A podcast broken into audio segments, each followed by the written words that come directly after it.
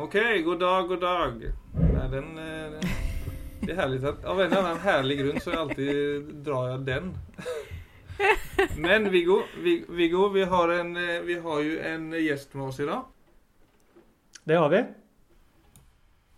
Og det er en veldig, vil jeg ändå si, jeg liker henne veldig godt, omtykt programledare. Og hun driver også Norges største helsepod sammen med sin man Harald. Det er ikke mindre enn Katarina Flatland. Ja, veldig Hallo. hyggelig å være her. Hallo, hallo. Veldig hyggelig at du er her. Det er altså ikke helt främmande for deg å sitte i poddformatet, til jeg på å si? Nei, jeg liker det veldig godt, jeg. Mest fordi jeg er jo vant til å jobbe en del med TV hvor man ofte har så dårlig tid. Og det er jo det som er litt sånn deilig med podkast, at du kan eh, i hvert fall eh, senke skuldrene litt og bruke litt mer tid når man prater, så man har ikke, har ikke like dårlig tid, da. Med litt lengre tenke, tenkepause. Yes. Hvordan har det seg at dere eh, begynte en podkast om helse? Hva er det som gjorde at du, dere tok det valget? Du, det var vel egentlig eh, det at vi følte at vi hadde på en måte mm, eh, Hva skal man si? Vi, vi følte jo at vi hadde lyst til å teste ut podkastmediumet. og så var vi nok ganske bevisst på at eh, eh, vi verken var liksom komfortable eller ønsket å lage en sånn podkast hvor vi skulle snakke om uka, uka vår som har vært eh, alene. Fordi jeg føler for å kunne gjøre det, så må du eh, være ganske komfortabel med å på en måte by på deg selv og egne historier og alt mulig. Og eh, det ville stresset meg veldig at jeg måtte liksom dele av mitt eget liv hver eneste uke. Så da tenkte vi hva kan vi på en måte snakke om som eh, kanskje folk kan liksom la seg underholde av, men også sitte igjen med noe mer enn eh, bare underholdning, da. Em, så det var på en måte tanken, og så har det blitt litt uh, til mens vi har gått. Men uh, jeg syns jo det er kjempegøy å holde på, og syns også det virker som at um, ja, folk sitter igjen med kanskje litt mer kunnskap om helse og kropp enn eh, enn før de hørte på episoden, da. Ja, for du utbilder jo deg til lege också. Stämmer Ja, jeg gjør det. Jeg må jo være det mennesket i eh, landet som har brukt uh, lengst tid på medisinstudiet. For jeg har jo hatt veldig mye permisjoner underveis da, pga. jobb. Sånn at nå har jeg gått uh, Jeg har vel brukt elleve år på de fem første årene. Så det Det Ja. skal være vanskelig å slå well, akkurat den well rekorden. prepared da. Ja, det kan du si. Men den her ehm, alltså ni har ju varit inne på väldigt många tematiker i er podd vill jag tro. Mm. Och jag har ju lyssnat på en del. Alltså kan du se något i vår tid som utmärker sig lite som på folks hälsa respektive ohälsa? Alltså på sättet vi lever på eller förhåller oss till liksom både samfunn og varandra på. Ja, eh, det er jo absolutt noen, eh, noen ting som går igjen. Eh, noe som i hvert fall er veldig interessant, og på en måte gledelig for oss, er jo at folk er veldig interessert i helse, og ikke minst interessert i hvordan de kan få en bedre helse selv. Samtidig så opplever jeg jo at det er en del, særlig unge, som sliter psykisk. Um, vi får jo ofte forslag til hva vi skal snakke om, og da er det ganske høy interesse for uh, alt fra spiseforstyrrelser til uh, angst, fobier, uh, tvangstanker. Det er mye som rører seg, og kanskje mer nå i, i pandemiens tid. Og det er noe jeg også på en måte biter meg litt merke i noen ganger, fordi vi har jo kanskje en tendens fordi vi jobber litt med det her, eh, at eh, vi Mm. snakker om ting på en veldig sånn faglig måte noen ganger, og så får jeg tilbakemelding fra lyttere at eh, ja, dette er noe som angår dem, og så kommer de med en personlig historie, og så blir du liksom minnet på at på en måte det er så lett å snakke fag, men det er jo enkeltskjebner vi på en måte egentlig berører, da. Så ja, så vi må Mm. på en måte prøve å, å alltid ha det i, i minnet òg. Eh, og sist ut så føler jeg at veldig veldig mange klager over søvnproblemer, faktisk, nå under koronaens tid. Um, som er veldig forståelig, fordi man har jo ikke så veldig variasjon i hverdagen og er mye hjemme. og Hverdager går over i helg, og man har liksom ikke helt styr på det. Så ja, det, det er mye å ta tak i, da. Så når du snakker om, eh, om helse nå, så er jo altså veldig mange av stikkordene du nevner, dreier seg jo altså om psykisk helse. Mm. Så, så du som nå er eh, altså i ferd med å bli lege, da, så lurer jeg litt sånn på altså både utdannelsen, men også hvordan du ser for deg yrket ditt. Altså denne blandingen mellom Altså møtepunktet mellom eh, psykisk helse og fysisk helse. Mm. Og i eh, Altså nå vet vi jo mer og mer om at alt som skjer i, i sinnet eller i hjernen, påvirker jo den fysiske kroppen, og vice versa. Det er jo masse trafikk fra, fra kroppen som går opp i hodet. Mm. Så hvordan ser du for deg det sånn med tanke på altså utøvelse som lege? Altså, snakker dere en del om det på legestudiet? Både ja og nei. Eller kanskje du personlig har tenkt mye på det? Ja, men jeg syns det er et veldig interessant spørsmål, fordi eh, nå er det jo på en måte sånn at eh, medisinstudiet i Oslo hvor jeg går, er jo fantastisk bra.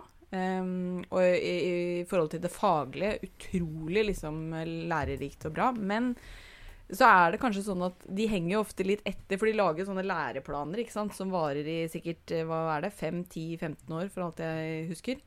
Um, sånn at de henger kanskje litt etter eh, i form av at, som du sier nå, så skjønner man mer og mer at ting henger sammen. Ehm, men vi lærer nok ikke like mye om det på studiet som vi kanskje burde, da.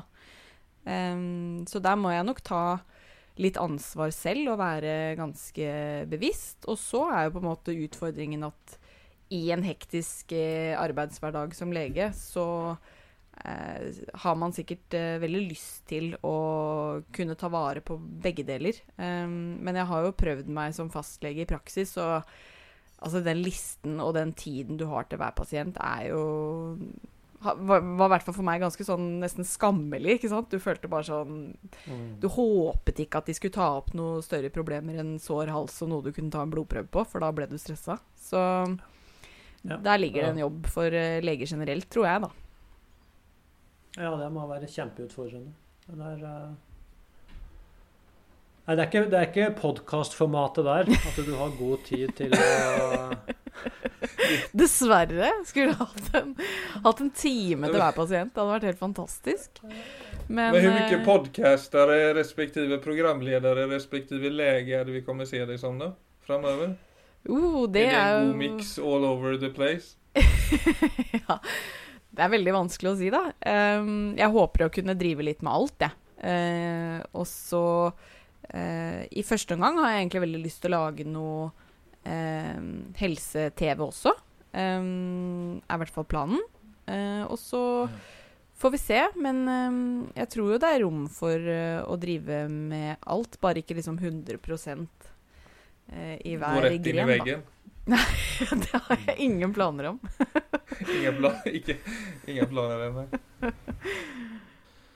Men hur är det och alltså så så du driver med massa, du har barn, nu har det varit corona och graviditet hur, eh, hur känner, har ni liksom något upplägg i familjen för att sätta av tid till varandra? Alltså inte, inte nödvändigtvis en plan, men vad gör ni liksom i ett hektiskt liv för att få in kvalitetstid med familj och, och varandra? Nei, altså det er jo noe vi egentlig ofte snakker om at det viktigste for oss er å, å være sammen, på en måte. Og, s- eh, og så merker vi at det sklir ut. eh, enten at én eller begge får mye å gjøre på jobb, eller at man jager nye ting. Em, og så på en måte prøver vi å minne hverandre på bare sånn Stopp en halv. eh, hva er det som er viktigst? Når er det vi har det som best? Det er når vi eh, tre da, er sammen Um, og klarer å på en måte nyte det. Sånn at eh, vi prøver å sette ganske sånn klare rammer for eh, kvalitetstid sammen. Um, at på en måte lørdager og søndager er helt fri. Eh, og så har vi også innført eh, mobilfri um, mellom åtte og åtte eh, hver dag. Og i helgene også på en måte så godt det lar seg gjøre på dagtid, da. Og det er sånn Selvfølgelig sklir det der ut uh, til tider. For det er så veldig lett å tenke at sånn skal vi ha det. Ja. Men, Men vi prøver så godt vi kan da, å ha litt sånn rammer. Fordi vi merker bare at vi har det så mye bedre når vi klarer å logge litt av, da. Mm. Men ideen i, i Ja, hva sa du, Viggo? Jeg bare følger opp altså åtte, til åtte. Det er, eh, det er jo noe jeg faktisk veldig ofte anbefaler til, eh, altså til folk når jeg holder kurs og foredrag. Er det det? Så det var jo, ja, ja, så det var interessant at du nevner som en, oh. Altså som en konkret praksis. Ja. Hvorfor at, på en måte anbefaler du det akkurat åtte til åtte, da? For Jeg tenker at det kan være mulig å gjennomføre. Mm.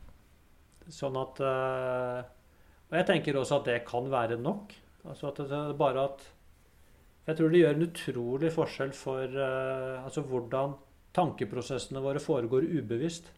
Mm. Hvis jeg vet med meg selv at nå er jeg utilgjengelig. Mm. Ikke sant? Altså det er ikke Og den sjekkerefleksen, den blir borte, for nå ligger, nå ligger telefonen i kurven, eller hvor det enn måtte være. Så Mm. jeg tror det gjør eh, Jeg tror det har en mye større påvirkning på livskvalitet enn det vi kanskje ville tro. da. Det er mange som Mm. tenker at nei, den ligger jo med skjermen ned, så den er liksom utenfor. Men for hjernen vår så er det to forskjellige virkeligheter. Mm. Ja, men Så det er jeg helt enig i. Og det er ganske sånn Um, Jeg syns nesten det er skummelt, ja, å kjenne på um, For det er nesten sånn den, den første timen du har lagt den bort, så kjenner jeg eh, hvor ofte jeg skal ta den opp. Ikke sant? Eh, og det rare er at ofte så er det på en måte ting jeg tenker er viktig. Nei, men jeg skal jo bare bestille Jeg skal jo bestille en pult på Ikea. Nei, men jeg må sjekke været for i morgen. Hva skal Bernhard ha på seg? Altså, det er jo, det er jo ikke, det er ikke bare Instagram heller, men det er sånn Det er konstant noe jeg i mitt hode tenker at Ja, men det må jeg kunne Akkurat det må jeg kunne gjøre, liksom. Um, og det skremmer meg litt. Uh, og jeg leste faktisk en ganske sånn interessant artikkel om det i eh, eh, det medisinske tidsskriftet nå. eh, hvor det sto at eh, mobilbruk kanskje er liksom den nye røykeavhengigheten. da. Eh, og det Der Mm. kjente jeg meg igjen i veldig mye. Eh, vi bruker den, ikke sant. Er du i et sosialt lag hvor du føler deg litt utenfor, så tar du den opp.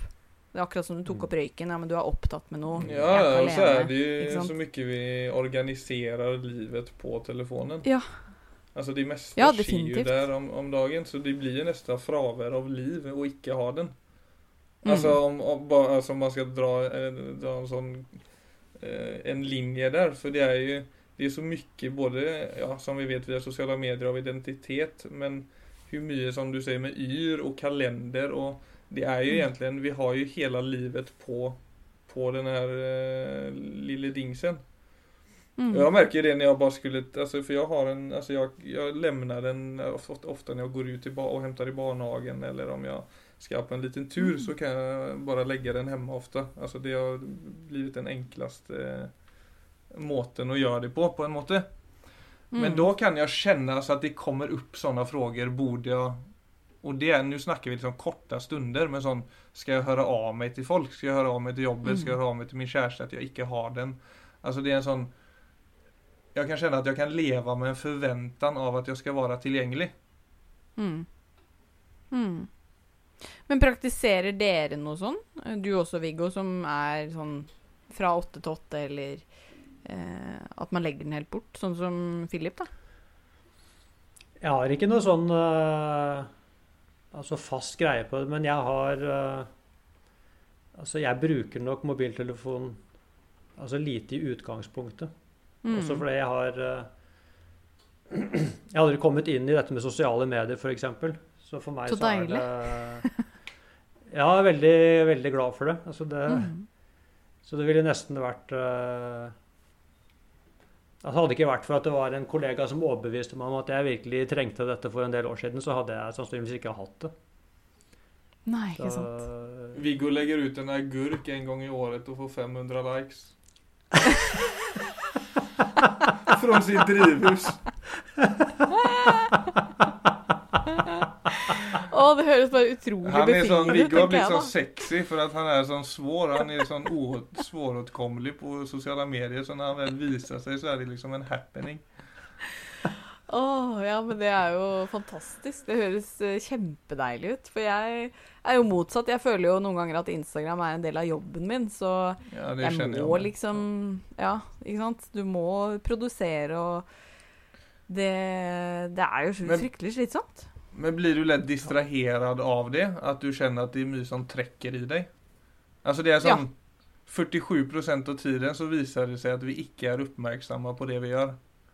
Mm. Kjenner du igjen deg i det? Ja, 100% Og det som også er skummelt, er at jo mer jeg har å gjøre eh, sier jeg, Når man da er eh, ute og det ikke er pandemi, og jeg er på vei fra et møte til et annet, og det går i 100, så har jeg et enda større behov for å opp med mobilen, sjekke, eh, scrolle eh, hvert ledig minutt. Og det tror jeg er en sånn derre rømningsstrategi for hodet mitt, fordi Eh, ja, det kan kanskje en av dere svare på hvorfor det er sånn, men, men jeg bare merker at eh, jeg, Det er akkurat som at jeg ikke klarer å la hodet da slappe av fra møte til møte. Da må jeg på en måte la det surre og gå. Hvorfor er det sånn, egentlig? Jeg tror egentlig bare det er fordi altså hjernen vår kommer inn i en eh, sånn eh, altså en mode Mm. hvor den er den skal, den skal finne løsninger på alt. Og så blir det da som om Den skjønner ikke at uh, den selv har iscenesatt noe som uh, Hvor løsningen egentlig bare er å sette seg ned og puste. Mm. Så løsningen blir på en måte å skru opp tempoet og få gjort alt. Så i hvert fall spre oppmerksomheten min på alle de tingene jeg skulle gjort, og så bare Mm. ja, gå fortere og fortere og på flere og flere områder. Så den Mm. Jeg tror mye av dette er faktisk at hjernen vår blir forvirra. For at den Det er akkurat som om gamle programmer i hjernen krasjer med en virkelighet som, som er helt annerledes enn disse grunnleggende programmene ble laget som.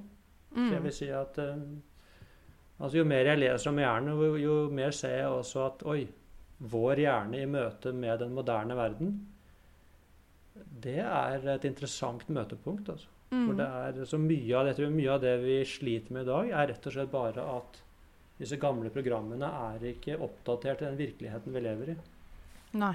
Det er en av grunnene til at jeg tenker at mindfulness, eller kall det gjerne noe annet, altså du, men det å kunne ha noen ferdigheter til å kunne koble seg av det hjernen tror er viktig akkurat nå, Mm. og så heller bare få roet ned litt, Mm. Det er, eh, vil jeg si, sånn ferdigheter som alle trenger i dag. Fordi at Mm. vi lever i en verden hvor oppmerksomheten vår den er under angrep hele tiden. Og hvis, hvis hjernen får lov til å fortsette på autopilot, så går den bare sånn. Ja, og fortere og fortere ja, gjennom dagen. Inntil man da skal legge seg. Og hvis ikke man har hatt noe egentlig beskyttelse da, så legger man seg, og så merker man jo først da at nå går det 100 km i kroppen og i hodet. Mm. Så det er ikke rart at folk har søvnproblemer i dag. Hvis ikke Mm. man har egentlig lært noen selvledelsesferdigheter. Da. Som, eh, som jeg vil si grunnleggende er jo en selvledelse av hjernen og nervesystemet. Men det gjør meg også litt sånn Jeg blir nesten litt uh, redd for å gå tilbake til eh, den normale hverdagen, da. Fordi at eh, nå har man jo i hvert fall mulighet til å Du er mye hjemme. Man har jo roet ned i en helt annen grad enn tidligere. Eh, og jeg gruer meg nesten litt til på en måte vi skal bare åpne slusene og la liksom kjøret gå igjen, da. Fordi at eh, eh, jeg, jeg tror på en måte kanskje hjernen min nå er programmert om litt. Blitt litt vant til et mer sånn komfortabelt tempo. Og så er jeg livredd for at jeg bare skal falle tilbake i en sånn herre konstante høye skuldre og masse sosiale forventninger. Og det er jo, man blir jo nesten redd for å møte folk igjen, ikke sant? For man har vært så mye hjemme. Ja. Ja, der sier du noe veldig viktig, altså. Jeg tror, eh, og det tror jeg du har helt rett i. At det er sånn for veldig mange av oss nå at, at hjernen har faktisk omprogrammert seg litt. Mm.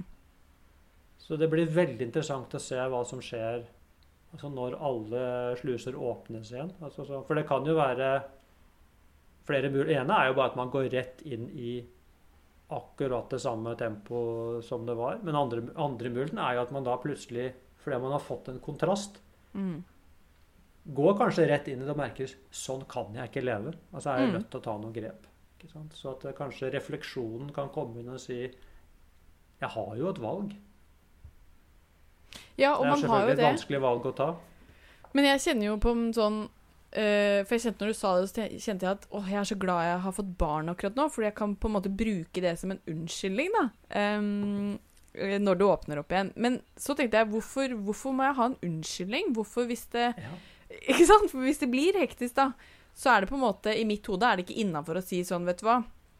Denne uka har jeg eh, allerede litt for mange møter, så jeg tror rett og slett jeg bare ikke kan ha enda ett. Da må jeg sette neste uke.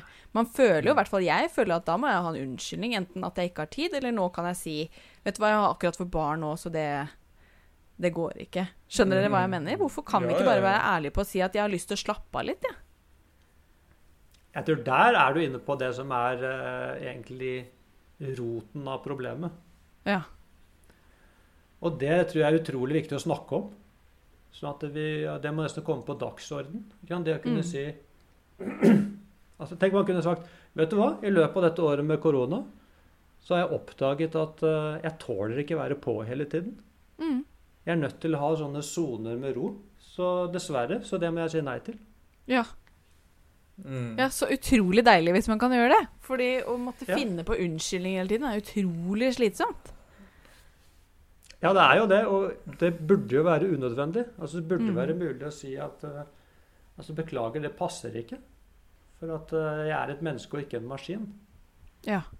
Altså, da er vi jo Jeg vil jo si at nå er vi i Nå er vi midt inne i det feltet som jeg vil Altså når jeg hører ordet mindfulness, så er det disse tingene jeg tenker på.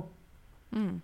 Altså ikke bare det å ha en pustepause, men det å få altså litt avstand mellom meg og sinnet mitt og alle programmene mine. Mm. Sånn at jeg kan komme inn med en eh, Altså at den kloke stemmen i meg får plass til å si Vent litt. Er det jeg holder på med nå? Så her Mm. er det noe feil. Altså skal Skal andres forventninger og alle de forvent... alle de forventningene som ligger i kulturen, skal de bestemme over mine valg? Mm. Eller skal jeg kunne velge fra det stedet i meg som jeg jo vet er klokest? Så Mm. det er jo så det er jo veldig interessant. Altså, hvorfor Ja. gjør vi det? Og jeg håper bare virkelig at, eh, at det kanskje har blitt litt mer rom og uh, ja, at man tør kanskje litt mer etter dette her og som du sier, bare si det rett ut. Jeg, jeg, jeg kan ikke ha så mye planer, jeg. Men jeg har også en sånn, en sånn naiv tro, holder jeg på å si, men ikke egentlig naiv. Men altså det er jo som du sier, Karin, det er också for at man, man ju er redd for å såre andre gjennom å være ærlig. Men jeg har liksom Mm. alltid tenkt at det samtidig kjennes godt for andre å kjenne på når noen er ærlig. Altså at det Mm. i seg kan liksom öppna opp en möjlighet for ja, den personen i seg å være ærlig. Mm. Jeg på en måte, jeg, jeg vil jo være redd hvis jeg da eh, tør å ta steget da, eh, etter pandemien og si Noen inviterer meg på noe sosialt, og jeg sier Vet du hva, jeg har to andre avtaler på kveldstid denne uka, jeg tror ikke jeg orker. Um, så er jeg redd for at de tenker én Hvorfor vil du ikke prioritere meg? Uh, har du ikke lyst til å treffe meg? Sårer jeg de? Syns de er slapp? Eh, Jeg blir veldig selvbevisst av tanken på det, istedenfor å si du, jeg får ikke barnevakt for Bernhard denne uka, så det kan jeg ikke. Veldig mye enklere, da. Ja. Ja. Det är ju det. Men tror du inte den personen kan känna, du jag vill bara vara, alltså nu är det, alltså den personen, du är, nu är jag liksom ärlig med dig. Polan eller Mm. vem det nu än är. Och så, sån här ligger det till och man tänker inte göra det liksom att jag är i en kris och jag kan inte komma. Men sån här ser min, sån här ser min situation ut nu. Eh, Mm. Och det är absolut inget personligt, det är bara sånn det är. Och kan vi ikke ses på en kaffe om en vecka? Eller, alltså, det er jo mulig Mm. å Jeg tenker det å være ærlig trenger ikke å være eh, mer provoserende enn nødvendig. da. I beste fall Nei. så kan det jo bare bygge på en ærlighet videre i en relasjon. Mm. Jo da, men det er, det Men jeg skjønner, er jeg skjønner, jeg skjønner Det er ikke så at jeg er helt eh, sånn eh, At jeg ikke skjønner problematikken i det. Jeg slåss selv med sånt, liksom. Jeg forsøker bare å slå et slag for go. Go for it. Jeg er helt enig. Eh, jeg, har, jeg har lyst til å være sånn.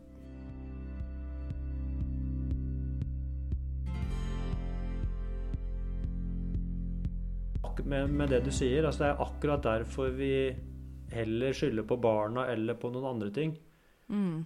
istedenfor å altså si det som faktisk er sant. Da. For at det, da, det er klart Det kan jo hende, og det er ikke usannsynlig til og med, at folk vil tenke at ja, men hvorfor prioriterer du ikke meg? Mm. Men uh, Men konsekvensen av at vi holder på sånn, er jo også at vi altså vi, vi mister jo også nærheten til oss selv ved at vi ikke uttrykker det som Det er jo faktisk upersonlig. Det er ikke gjort mot noen.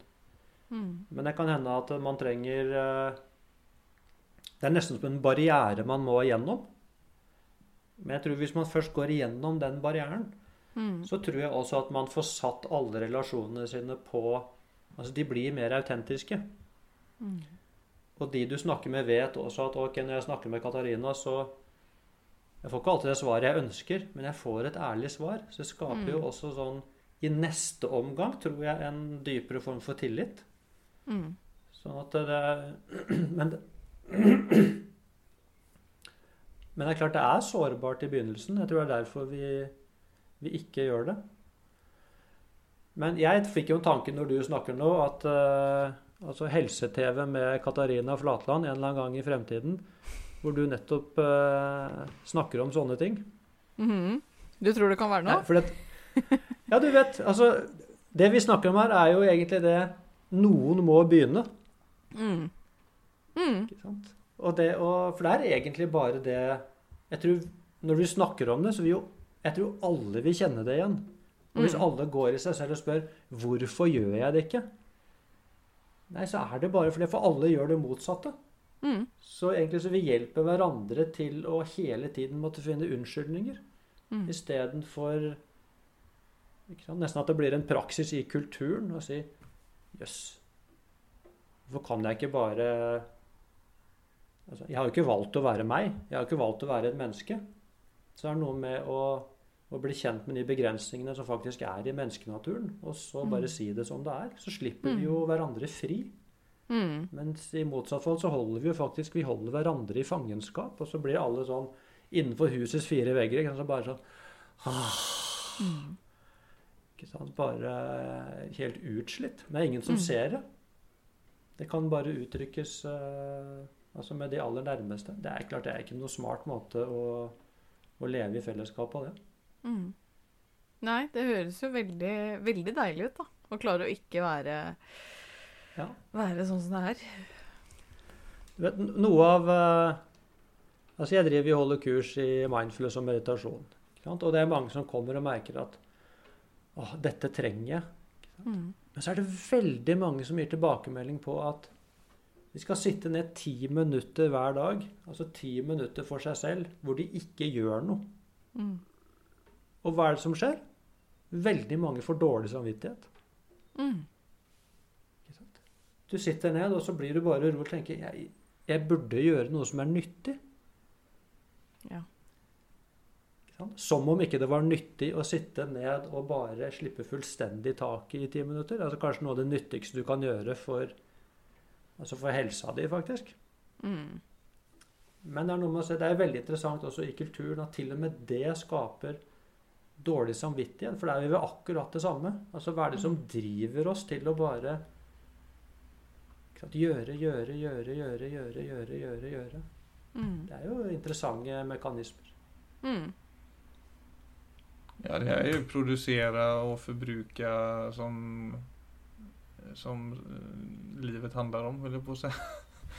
Mm. I, altså, eller det, det, er de kraftene som gjerne drar i en hva gjelder jobb og samfunn og mennesker. Og, men det er jo som du sier, vi må kanskje også tenke litt på hjernehelse og spille på lag med hjernen også. Og ikke liksom bare For det er noe med det som du har nevnt tidligere, Viggo. Liksom når alle distraksjoner er borte, hvordan har du det da i eget selskap? Altså, Er mm. det rastløshet? Er det tomhet? Er det uro? Altså, Er det ting som på en måte har vi veldig vanskelig for å falle til ro når vi ikke kan ta en telefon, når vi ikke kan liksom distrahere oss med et eller annet. Så, så er det kanskje noe å utforske.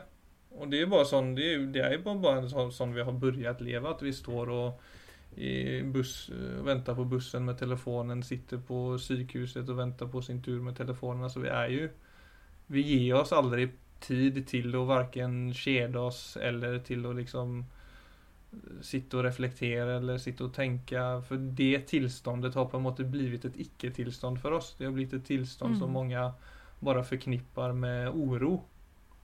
Mm. Forknipper med liksom noe man ikke vil ha. Og det er jo på en måte å stenge litt døren til seg selv også. Mm. Men der har jeg sett eh, ganske forskjell på eh, meg og min mann i form av hvilke behov vi har for meditasjon og mindfulness. Da. Fordi jeg syns det er veldig spennende og blir ofte med han når han gjør det. Um, men han har et hode som på en måte alltid er på jobb. Han tenker jobb, er veldig sånn Han er jo gründer, tenker liksom nye tanker hele tiden. Det går i 100. Um, og eh, det er en kjempefin egenskap, men han klarer heller ikke å logge av, da, ikke sant? Sånn at uh, han har veldig god nytte av å sette seg ned meditere. Og jeg merker liksom så stor forskjell. Det er Harald uh, før og etter uh, han har meditert. Det er bare to forskjellige mennesker. Men så har du meg som er veldig nysgjerrig på mindfulness, men samtidig jeg tror at jeg eh, Jeg er veldig glad i å være i eget selskap, eh, alene. Eh, Mm. Elsker å kjøre bil uten å ringe noen. Eh, vil veldig gjerne Hvis Harald skal ut en kveld, så vil jeg bare være hjemme alene. Jeg har ikke noe behov for å Mm. finne på noe sosialt. Sånn at det kan jo også være at man får Jeg er veldig komfortabel i eget selskap. Derfor har jeg kanskje ikke like stort behov for den derre eh, Som dere beskriver, på en måte sitte ned, bare være, puste. Fordi jeg tror nesten det er en meditasjon for meg i seg selv. Bare det for meg å lage mat, stå se det på TV alene. Jeg logger liksom av alt. Men så fins det typer sånn som da min mann som, som må meditere for å klare å logge av, da. Mm. Ja, hva er dine sånne soner og aktiviteter som er bare sånn altså si, restitusjonsaktiviteter og sonen din? Hva er typisk det i ditt liv? Eh, jeg tror for min del så er det matlaging. Eh, selv om jeg skal være alene, så lager jeg meg en skikkelig middag. Fordi Mm. jeg syns det er kjempedeilig å stå eh, bare lage litt middag, høre på noe musikk, eh, ta et glass vin, kose meg med det. Um, og så er det løping. Uh, syns jeg er veldig deilig. Da hører jeg veldig sjelden på musikk eller podkast eller noe som helst. Da syns jeg det bare er deilig å på en måte eh, løpe. Um, og det er jo på en måte kanskje Det er jo en form for meditasjon å bare være til stede da i den løpingen, selv om jeg kanskje ikke tenker at nå skal jeg fokusere på pusten og Skjønner dere hva jeg mener? At jeg tror jo Det har jo litt sånn Alle har jo sin variant av det, og hva som funker, da. Absolutt. Jeg tror alt egentlig Altså jeg tror Det som er det viktigste for oss, er jo at vi har metoder for å komme ut av hodene våre. Mm. Så det er jo Altså det er jo i, i, altså i Hvis du går til, til Østen, da, så har du Mm. jo Altså dette med meditasjon det trent tilstedeværelse, så er ikke det bare noe som gjøres sittende. Det er dette med Altså mindful walking er jo en Mm. eh, eldgammel praksis uh, i buddhismen. Som egentlig bare handler om å monotaske. Mm. Så det er det å faktisk gå mens du går, mens du går, eller å jogge mens du jogger. Mm. Så det er den eneste man kan ha en bevissthet på. Det er å kunne se altså Når jeg jogger, er jeg i kroppen min? Eller Mm. er jeg på jobb når jeg løper? Og for det er jo fort gjort. Man kan liksom Mm. være i hodet mens kroppen beveger seg. Men det å passe på at man kommer inn i sansene sine ikke? Samme når man lager mat. altså det er jo Én ting er å lage mat og være helt Altså man er absorbert i matlagingen og luktene og Men selvfølgelig er det fort gjort å lage mat også som en stressaktivitet. Ja. Men jeg hører jo det at det ikke er sånn for deg, så det er noe med den Så Du er helt, helt riktig. Og hvis du går til Japan, så har jo tatt dette inn i altså teseremonier, eh, blomsterdekorasjoner, bueskyting.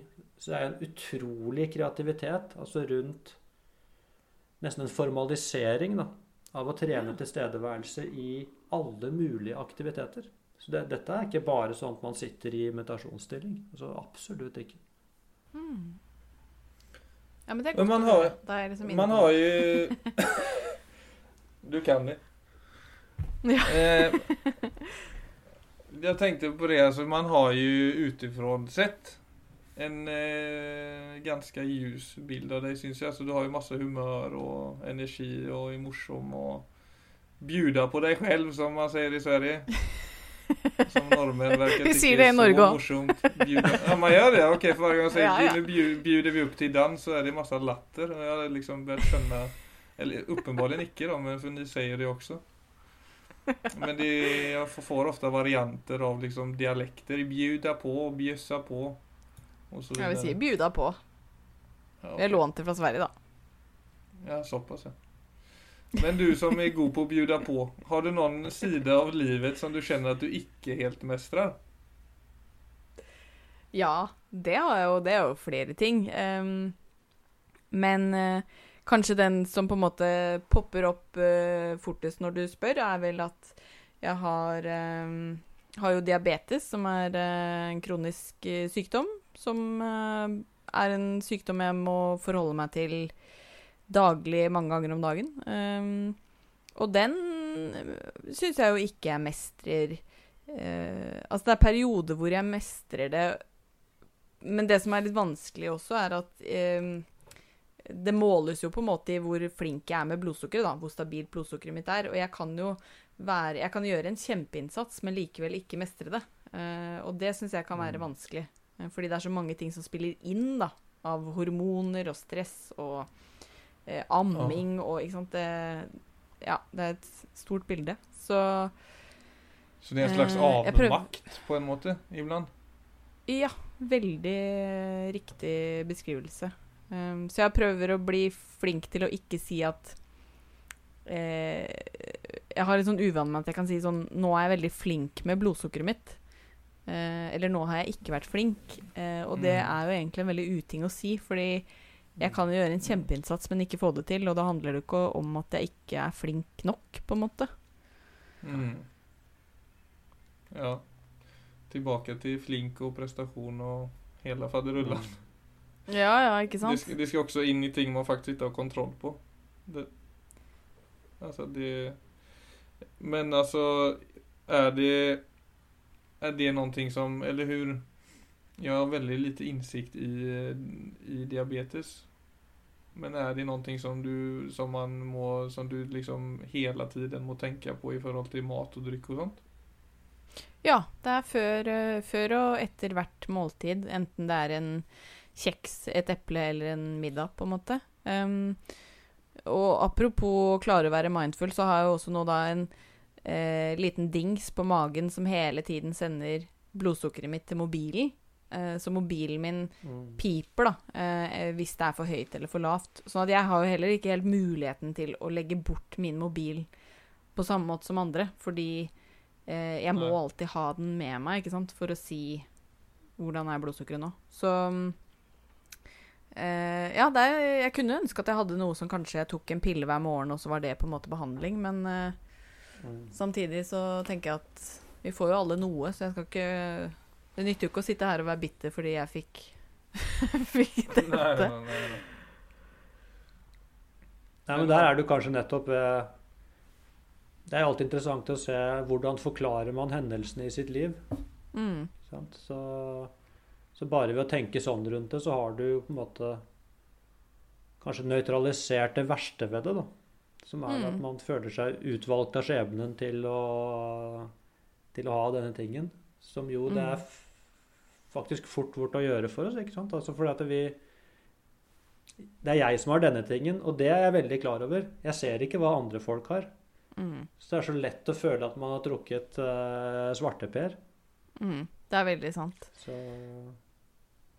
Og det er jo noe jeg Det er noe jeg faktisk prøver å være litt sånn Å bli flinkere på, men prøver å være litt uh, flink på. Apropos flink. eh, det med Ja, men det, akkurat det du sier der, da, at man må prøve å være bevisst på at det rører seg mye hos folk som ikke vi ser og vet. Um, og det å på en måte uh, Jeg skal ikke si at jeg er helt sånn her i, i send og ikke kan bli irritert hvis noen eh, Hvis jeg møter en eh, Ja, en eller annen eh, på kundeservice som ikke gjør jobben sin. Altså, jeg kan bli mektig irritert, men så innimellom så klarer jeg å tenke sånn OK, kanskje vedkommende har en skikkelig drittdag. Eh, kanskje vedkommende har diabetes og sliter med blodsukkeret sitt. Kanskje, ikke sant.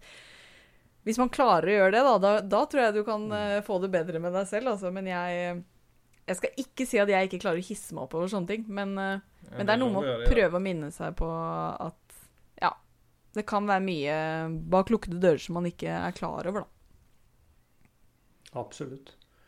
Men vil har du alltid hatt en sånn grunnleggende positiv innstilling til livet, eller vil du si at det er noe som handler om en form for bevissthet?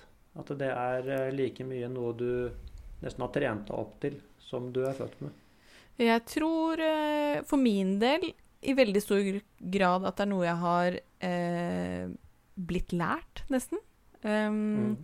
Fordi vi har jo hatt uh, vår runde med, med sykdom i min nær familie, da. Først hadde mamma brystkreft, og så fikk jo uh, pappa uh, lymfekreft og et veldig sånn sjeldent syndrom som gjorde at han ble lagt i koma i tre måneder. Og da, da skal jeg innrømme at da var det mørkt hos meg. Um, Mm. og ikke noe Så ikke noe øh, Klarte ikke å se så veldig sånn positivt på noe som helst. Uh, og kun, da kunne jeg føle veldig på en sånn bitterhet. Liksom, mamma har jo hatt kreft, og så får pappa det. Hvorfor får vi alt, og alle rundt ingenting? Ikke sant? Litt sånn veldig, veldig bitter, da. Eh, men så har jeg en mor som er sykepleier, og har en evne til å bare alltid se det positive. Og hun klarte på en måte å peile oss inn på bare sånn Nå er vi nødt til å eh, fokusere på at dette kan gå bra. ehm, at vi er friske. Bare hadde en sånn mentalitet gjennom det hele som gjorde at da jeg fikk diabetes etterpå, som var tre måneder etter at pappa ble friskmeldt, så, så tror jeg jeg tok det med et helt annet sinn Mm. enn det jeg hadde da han var sjuk. Fordi jeg, jeg følte kanskje litt sånn Dere kan kaste hva dere vil på meg. og jeg, jeg takler det. Um, så det er ikke noe Jeg føler ikke jeg Og jeg føler langt ifra at jeg er noe sånn uh, veldig positiv til alt, men eh, men jeg tror jeg klarer å Ja, at jeg kanskje har klart å få en evne til å, å prøve å liksom snu ting til det mer positive, da. Men jeg har ikke noe godt uh, prøvd å tenke om jeg har noe, noe klokt jeg kan si om hvordan man skal klare det, og det er jo veldig vanskelig.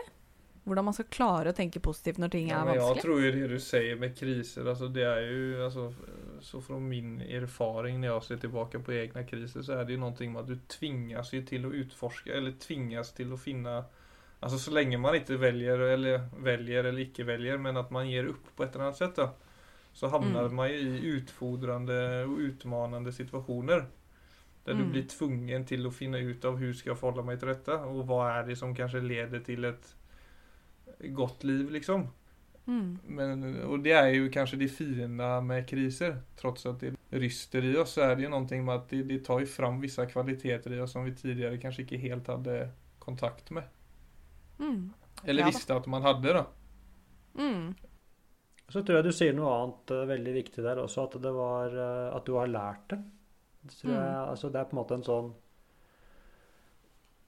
eh, På en måte kanskje sånn helt eh, opplagt, men på en annen måte veldig viktig. Altså, det er eh, det ser du jo, Dette har du jo forska på også, at tankestilen vår altså sånn som eh, Dette er noe som eh, jeg tror Martin Seligman, en av disse opphavsmennene til positiv psykologi, han forska akkurat i det feltet der. Men det han kalte positiv og negativ tankestil, eller forklaringsstil. Mm. Og det som var kanskje det viktigste funnet der, var jo at dette er innlært. Det er ikke noe vi Mm. er født med.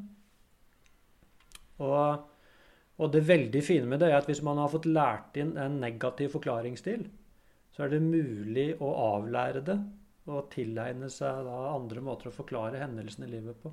Mm. Så, og det trenger vi da Så er man heldig, så vokser man jo opp med noen som manifesterer en, du kan si det, en, en sunn tankestil. Da. Så Mm. akkurat som en apekatt, så lærer man seg egentlig bare å tolke hendelsene i livet sitt på en smart måte. Mm. Så, men igjen da, så tenker jeg hvis man ikke har det, og det er det jo mange som ikke har altså Det er jo mange som eh, Det er veldig mange som bruker bekymring og grubling som mestringsstrategier, Mm. og som ikke da ser at det, det er som å sitte og slå seg selv. Mm. Men, eh, men der kommer vi jo igjen inn på dette egentlig med altså en helsedebatt. Jeg vil jo si at eh, det vi snakker om her, burde vært en del av egentlig altså helsediskursen vår. Mm.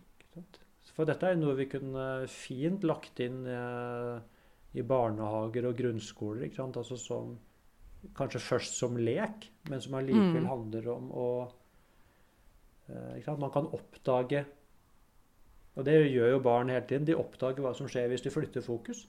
Mm. Så, så der tror jeg vi har eh, masse å hente. Altså nettopp på dette med det faktisk handler om læring. Mm. Altså på et generelt plan så har vi jo 50 000 tanker i løpet av en dag. Og 10 000 av dem er jo eh, positive, eller går mot et positivt tall. Altså 20 mm. på en måte. Så det er jo Mm. Det er jo en liten oppførselsbakke vi liksom har eh, Hva skal man si rent eh, biologisk. Mm.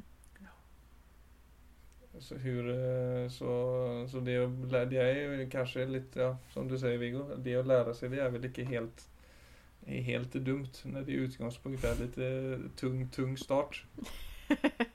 Nei. Nei, altså det er jo egentlig en ba altså hvis, det Dette er jo egentlig grunnleggende ferdigheter. Mm. Eh, I så er det smart å se det på den måten.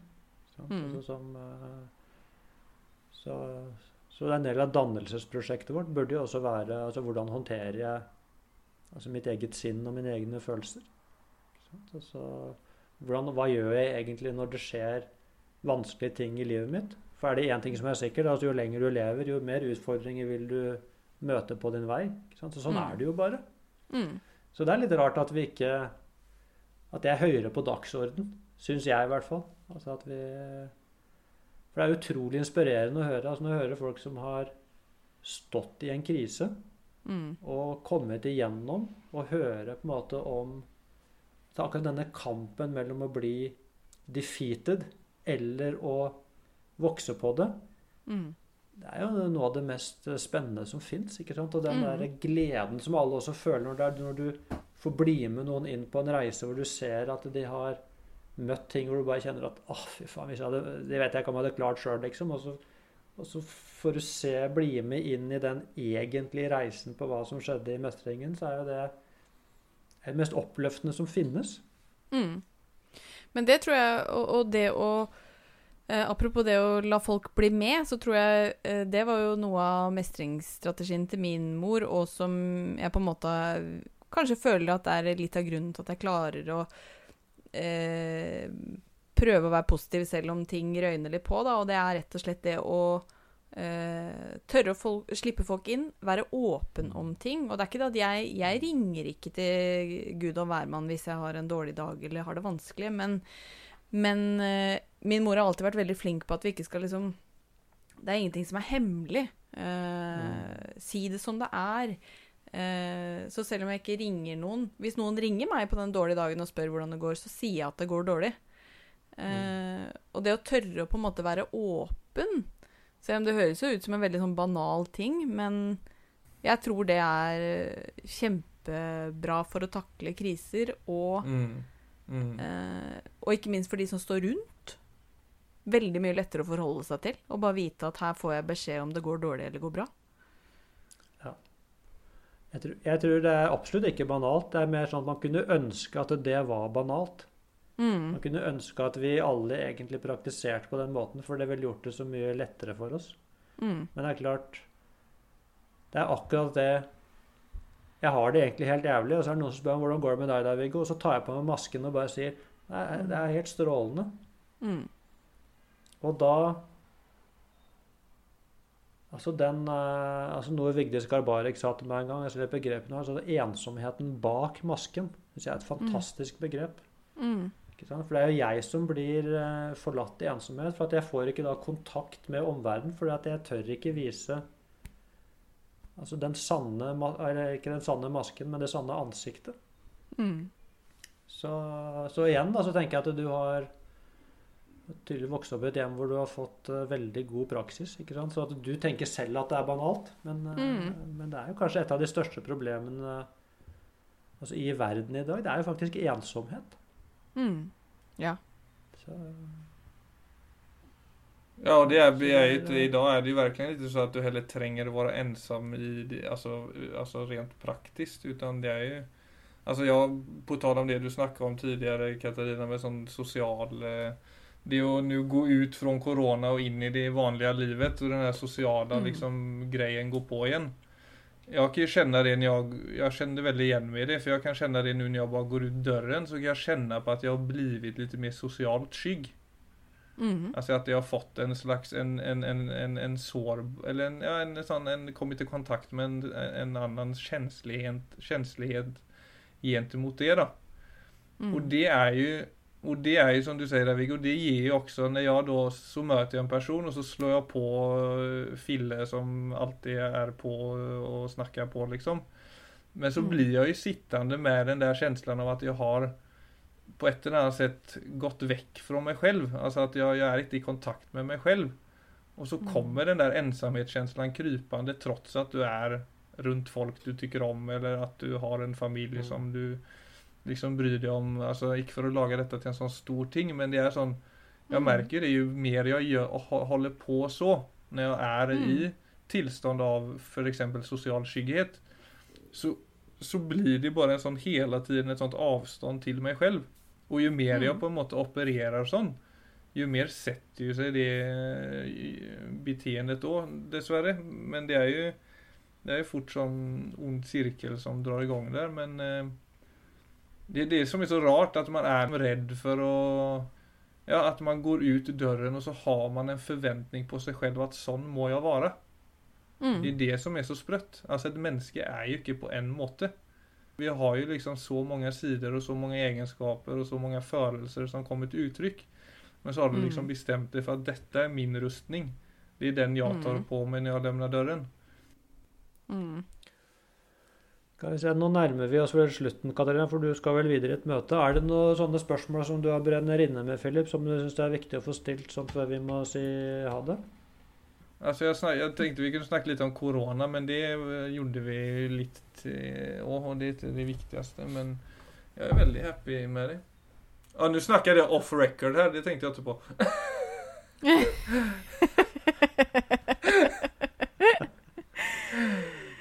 Det er kjempefint, det.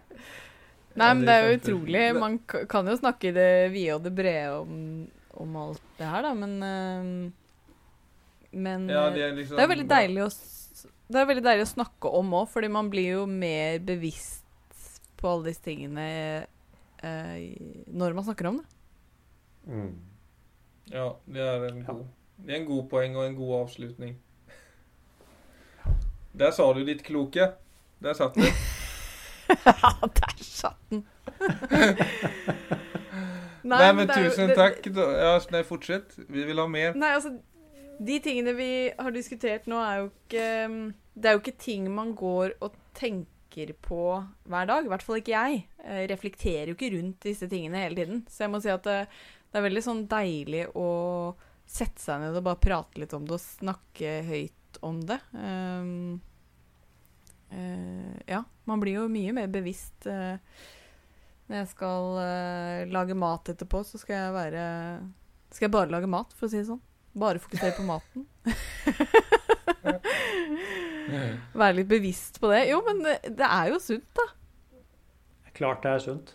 Det er jo Det er jo egentlig det som er Altså vår intensjon bak denne podkasten er jo nettopp egentlig bare å på en måte snakke om selvfølgeligheter.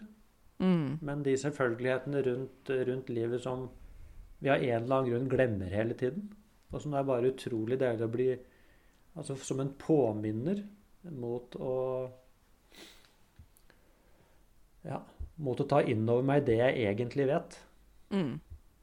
Ja, absolutt. Og sånn sett har det også vært veldig givende å få barn. Det er jo givende å få barn av andre grunner òg, men, eh, men det der å se nysgjerrigheten Bernhard har på hver eneste morgen, det å stå opp Han står opp i akkurat samme rom, men han bare Hvor er jeg nå?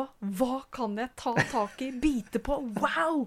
Her er det et håndtak! Det Altså, skjønner du? Den derre du blir jo minnet på hver dag bare å, å bare stoppe opp litt og bare være litt nysgjerrig, litt uh, sulten på å være til stede. Altså, det er jo fantastisk. Vi skulle aldri Ja, på en måte fått en dose av det barnegreiene, altså, fordi Ja, ja, ja. Å, Nei, jeg er kjenner veldig veldig enig. Men tusen takk, Katarina, for at du også stilte opp. eh, Sånn at vi alle kan minne hverandre på eh, viktigheten Mm. av eh, å sette ord på vår egen erfaring. Tusen hjertelig takk for at jeg fikk lov til å være med. Ja, det var jeg veldig glad at du var med. Det var superhyggelig å snakke. Så gleder jeg meg til å fortsette å høre på podkasten. Takk, Takk for for i det. dag. Ha det!